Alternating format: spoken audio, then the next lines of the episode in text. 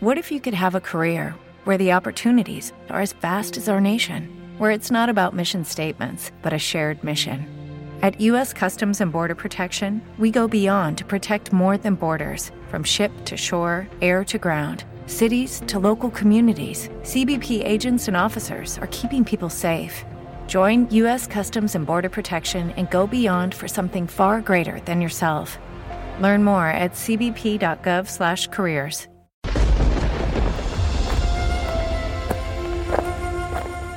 El Rai vos convida ara a creuar el llindar a Terra Llegendària. Així trobaràs les històries i llegendes més insòlites de les nostres terres. Soc Juan Fran Ferrandiz i seré el vostre guia. M'acompanyes? Endavant!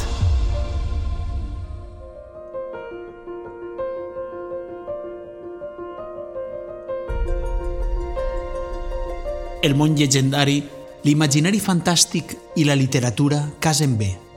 D'alguna manera, els tres són formes de contemplar el món i la vida, però amb altra mirada. Per això, hem volgut convidar a un escriptor valencià per a que ens parle de llocs on precisament la llegenda, el misteri i la literatura es donen la mà. Llocs que tenen el poder d'inspirar històries de ficció perquè són llocs especials. Terra Llegendària té el privilegi de comptar entre els seus amics a grans escriptors i escriptores. I un d'ells ens ha fet de guia aquesta vegada. És Ivan Carbonell, professor i escriptor amb nombrosos guardons, entre ells el Premi Bernat Capó de Difusió de la Cultura Popular. Aquest és el primer capítol d'un espai que anomenarem Llocs que un escriptor valencià deu visitar. I ho farem en dues parts. I en aquesta primera ens quedem a València capital. El primer que ha escollit Ivan és la capella del Sant Calze de la Catedral de València. Per què és tan inspiradora per a un escriptor?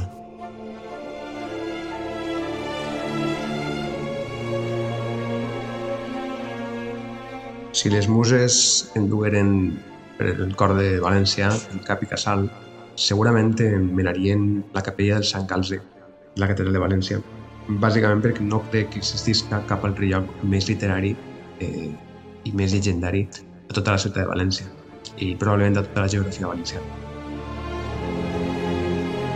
Si entrem en aquella capella, que és un dels eixos de la catedral de València, aquell monument gòtic espectacular que presideix la ciutat, veurem una capella amb un ambient de llegenda, un ambient medieval, un ambient en què el temps ha quedat aturat. De fet, si ens fixem entre les parets, penjades de les parets, veurem les cadenes del port de Marsella que Alfons el Manànim va arrencar quan va atacar Marsella. En aquell ambient ple d'història, de llegendes i de literatura, eh, podem imaginar-nos també a un jovenet Vicent Ferrer, eh, del qual es deia que tenia una gran capacitat per a predicar i que feia també en aquella capella els seus sermons quan, ja era, quan encara era molt jovenet i tota la seva carrera eh, tot just començava a València. Ara, en aquell lloc on Sant Vicent predicava, hi ha la copa sagrada, el Sant Calze, el Grial, l'objecte de les llegendes artúriques, eh, la copa del poder. L'objecte més buscat de tota la cristiandat és custodiar a València.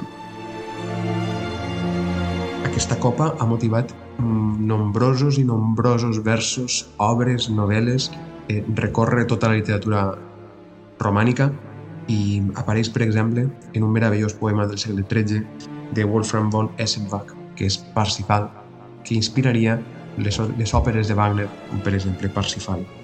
De manera que vora el calze, sagrat, envoltat del record de Sant Vicent Ferrer, pensant en les llegendes artúriques i els versos del segle XIII, podem recordar també els versos de Vicent Andrés Tellers, quan deia «Es desperta Ausias Marc en el vas del carner». Eixe vers, que trobem en el llibre de Meravelles, fa referència a la idea que probablement el poeta eh, Ausias Marc estiga soterrat en algun lloc de la capella del Sant Calze i no al lloc en què la làpida diu que hi ha el cos d'Ausias Marc. De manera que pocs llocs a València poden ser tan literaris, eh, més encara si es pensa que en aquesta capella comença una magnífica novel·la juvenil que s'anomena La secta del Grial de Joan Pla. En aquesta novel·la, els personatges eh, arranquen la seva, el seu periple per tota Europa fins a arribar a terres de, de Wagner, precisament, eh, perseguint a uns lladres que, que, han arren, que han arrencat la capella del Sant Calze, aquella copa sagrada, l'han furtada, i ells es dediquen a perseguir aquells lladres per mitja Europa. I precisament eh, un d'aquests joves, i son pare, pertanyen a la germandat que es dedica a custodiar la copa. Una germandat, que és la germandat del Sant Calze, es dona torns per a vigilar la copa contínuament i probablement, mentre el nostre oient estiga assegut a la capella del Sant Calze contemplant la copa i pensant en aquestes històries, està sent observat per una persona de la cofraria del Sant Calze que està vigilant que els seus moviments no siguin sospitosos i que no pretenga portar la copa sagrada.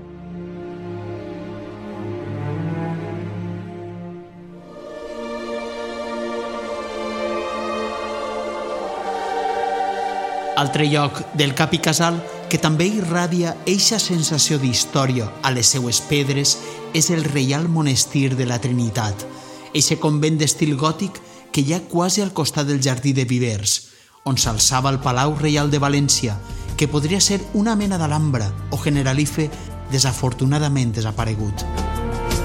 El monestir de la Trinitat és un lloc inspirador. Deixeu-vos portar per Ivan a la cacera d'històries i després jo també vos contaré alguna estranya llegenda que ha quedat registrada sobre el lloc, perquè si eixes pedres parlaren...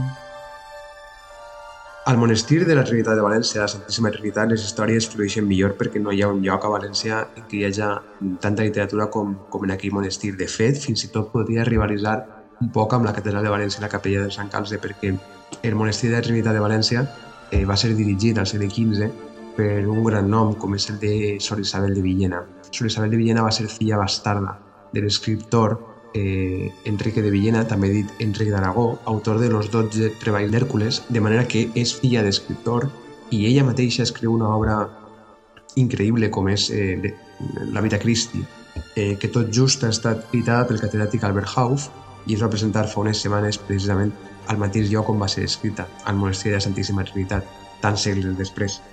En, en aquell lloc les històries flueixen millor perquè és un lloc que va ser sovintejat pels grans escriptors de la nostra literatura. Pensem que Sor Isabel rebia les visites d'autors com, per exemple, eh, Bernat Fenollar, natural de Penàguila.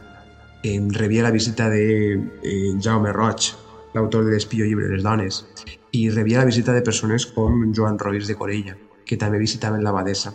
I aquell monestir que diu la investigadora Maria Saiz que era una, una mena d'universitat de dones, no perquè fos una universitat eh, a la qual podien anar les dones, però sí que és veritat que va ser un lloc de formació per a moltes dones i que tenia figures com Sor Isabel que van contribuir tant a la formació intel·lectual femenina eh, d'aquell moment. De manera que si rebem el permís per a visitar aquell lloc i podem passejar pel claustre, eh, perquè les eh, monges eh, que l'habiten encara ens, ho permeten, podem imaginar aquelles clarisses que habitaven el, el monestir, podem imaginar eh, com degueren ser els últims dies, eh, per exemple l'any terrible, l'any de les morts, un dels últims anys del segle XV, que es van portar també a tantes persones importants, entre altres a Sor Isabel de Villena. I podem, més que imaginar, podem tocar el sepulcre de la reina Maria, l'esposa d'Alfons el que està soterrada al monestir que ella va, va impulsar. En aquell sepulcre fascinant ens hem d'imaginar totes les històries associades als grans escriptors del segle d'or que, que visitaven aquell mateix lloc i que anaven a fer conversa amb aquella intel·ligent eh, abadesa que es deia Isabel. Un d'aquells escriptors era Jaume Roig, el metge que va escriure l'Espillo llibre de les dones, un monument misògin és una obra cimera de la literatura catalana. Eh, segons Joan Fuster, ens hem d'imaginar conversant a, a Jaume Roig i a Sor Isabel de Villena i podem imaginar a Sor Isabel de Villena eh, dient-li a Jaume Roig que aquella obra seua misògina en què es burlava de les dones i atacava les dones no tenia tanta gràcia com ell creia. I molt probablement la seva obra Vita Christi siga una resposta femenina a aquella obra terrible de misogínia de Jaume Roig que atacava les dones. I, segurament Sor Isabel va respondre al seu conegut metge i probablement amic Jaume Roig amb aquella obra que és La vida Cristi, una obra encara enigmàtica amb moltíssims eh, passatges per descobrir i per estudiar amb molta atenció. Un misteri més que es pot entendre millor si es visita el monestir de la Santíssima Trinitat de València.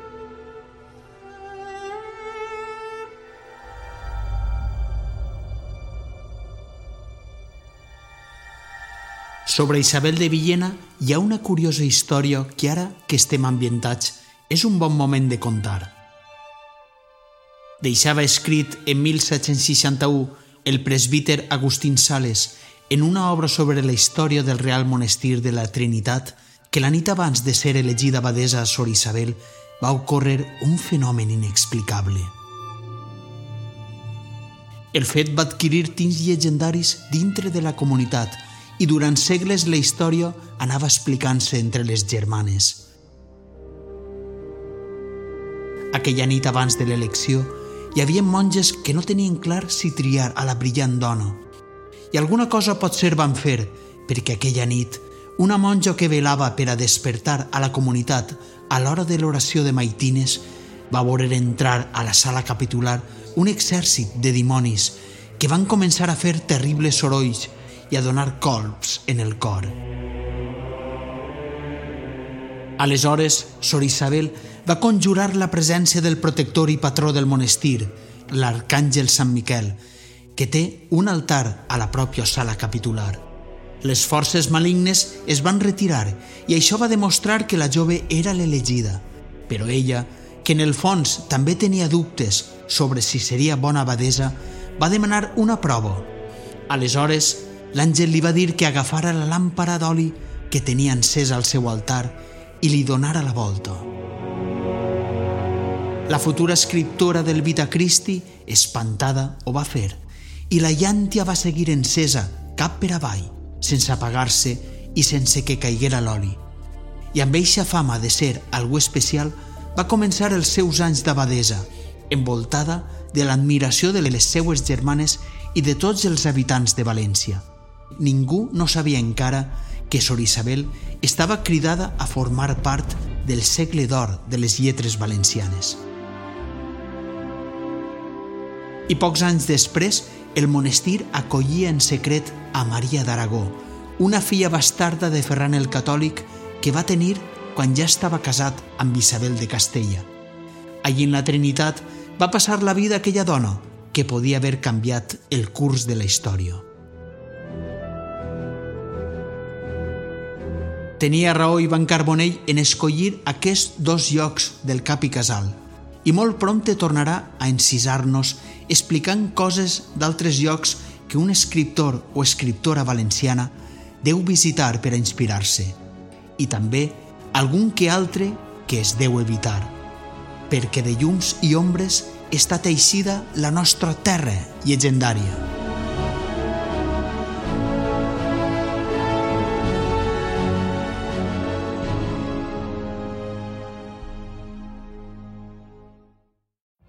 Every day, we rise, challenging ourselves to work for what we believe in. At U.S. Border Patrol, protecting our borders is more than a job, it's a calling. Agents answer the call, working together to keep our country and communities safe. If you're ready for a new mission, join U.S. Border Patrol and go beyond. Learn more at cbp.gov/careers.